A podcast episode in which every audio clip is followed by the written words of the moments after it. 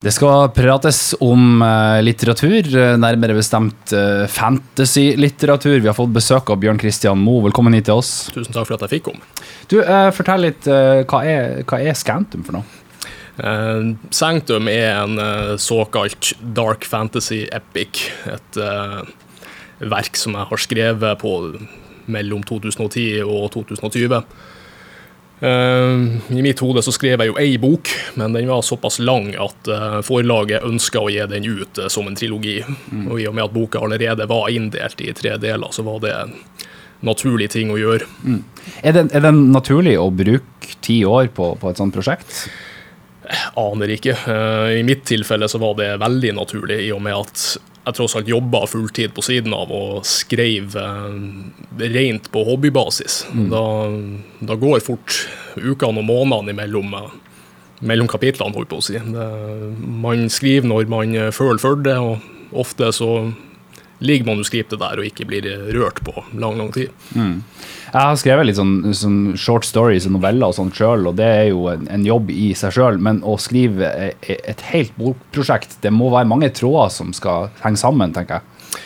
Ja, um, du kan si fra jeg starta å skrive og til jeg nå fikk gjort uh, manuskriptet ferdig og innsendt til forlag, så har man jo gått igjennom mange forskjellige versjoner kan du si. Spesielt start og slutt har jo vært eh, omskrevet og forandra på. og eh, det som vi eh, var inne på det med hvor lang tid det har tatt å skrive det. altså Når det går såpass lang tid imellom hver gang du setter deg ned med det, så er det ofte at du sjøl glemmer hva du har skrevet. Mm. og Så må du gå tilbake og minne deg sjøl på, og eventuelt forandre mer. Mm.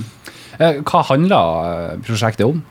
I eh, korte trekk så kaller jeg det for en slags postapokalyptisk eh, fantasy-setting. Der eh, de her karakterene er i en verden der det meste har gått til helsike, og rett og slett prøver å overleve med det første. da. Mm. Hva slags, Har du noen sånne, sånne, ting du kan sammenligne med, sånne ting du er inspirert av, og, så du kanskje henter litt inspirasjon av? Nei, um, jeg vil jo si det at dette verket er definitivt et produkt av min generasjon. Så jeg har funnet mye inspirasjon i uh, gamle PlayStation-spill, PC-spill, sånne her forskjellige ting. Mm. Man er jo selvfølgelig til en viss grad inspirert av andre store fantasyverker. Um, men ikke så mye at jeg vil si at de har hatt en direkte innflytelse på det verket som jeg har skrevet. Hvordan er det å være forfatter på hobbybasis eh, når du liksom skal ha jobb i tillegg og liksom ha overskudd til å sitte og skrive? Ja, eh, det er jo litt som du sier, det med overskudd, fordi av og til så gidder man rett og slett ikke. Og eh, i hvert fall for mitt eget tilfelle, kreativitet er noe man ikke kan eh, tvinge frem.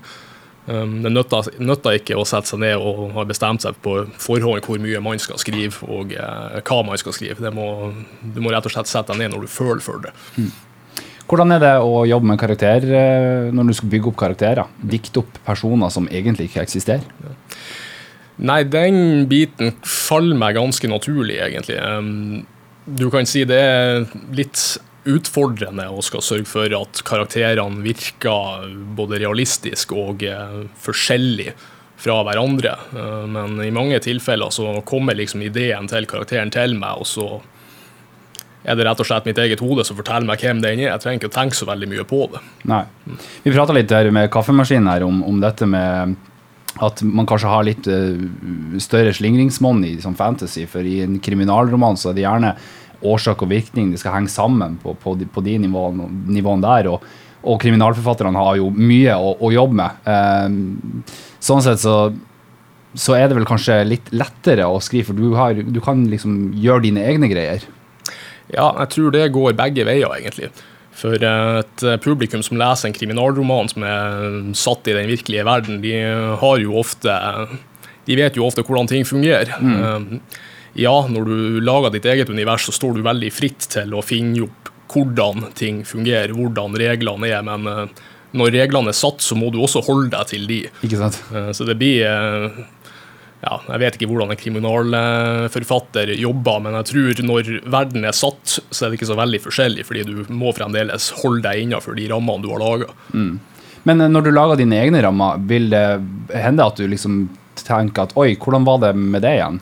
Eh, ofte. Ja. Eh, Og det er jo en ting som jeg er litt spent på nå når jeg har begynt å jobbe med oppfølgeren til de, de, de her første tre, da, er at eh, når jeg jobba med de første tre, så kunne jeg jo forandre så mye jeg ville frem til jeg sendte inn manuskriptet. Mm. Men uh, nå er reglene satt, nå må jeg holde meg til det. Er sant. Uh, da, da er det kanskje en ting man må gå tilbake og slå opp hvis man ikke husker hvordan det ordrett var. Ja, og du har skrevet tre bøker, men det er kun den første som har kommet ut.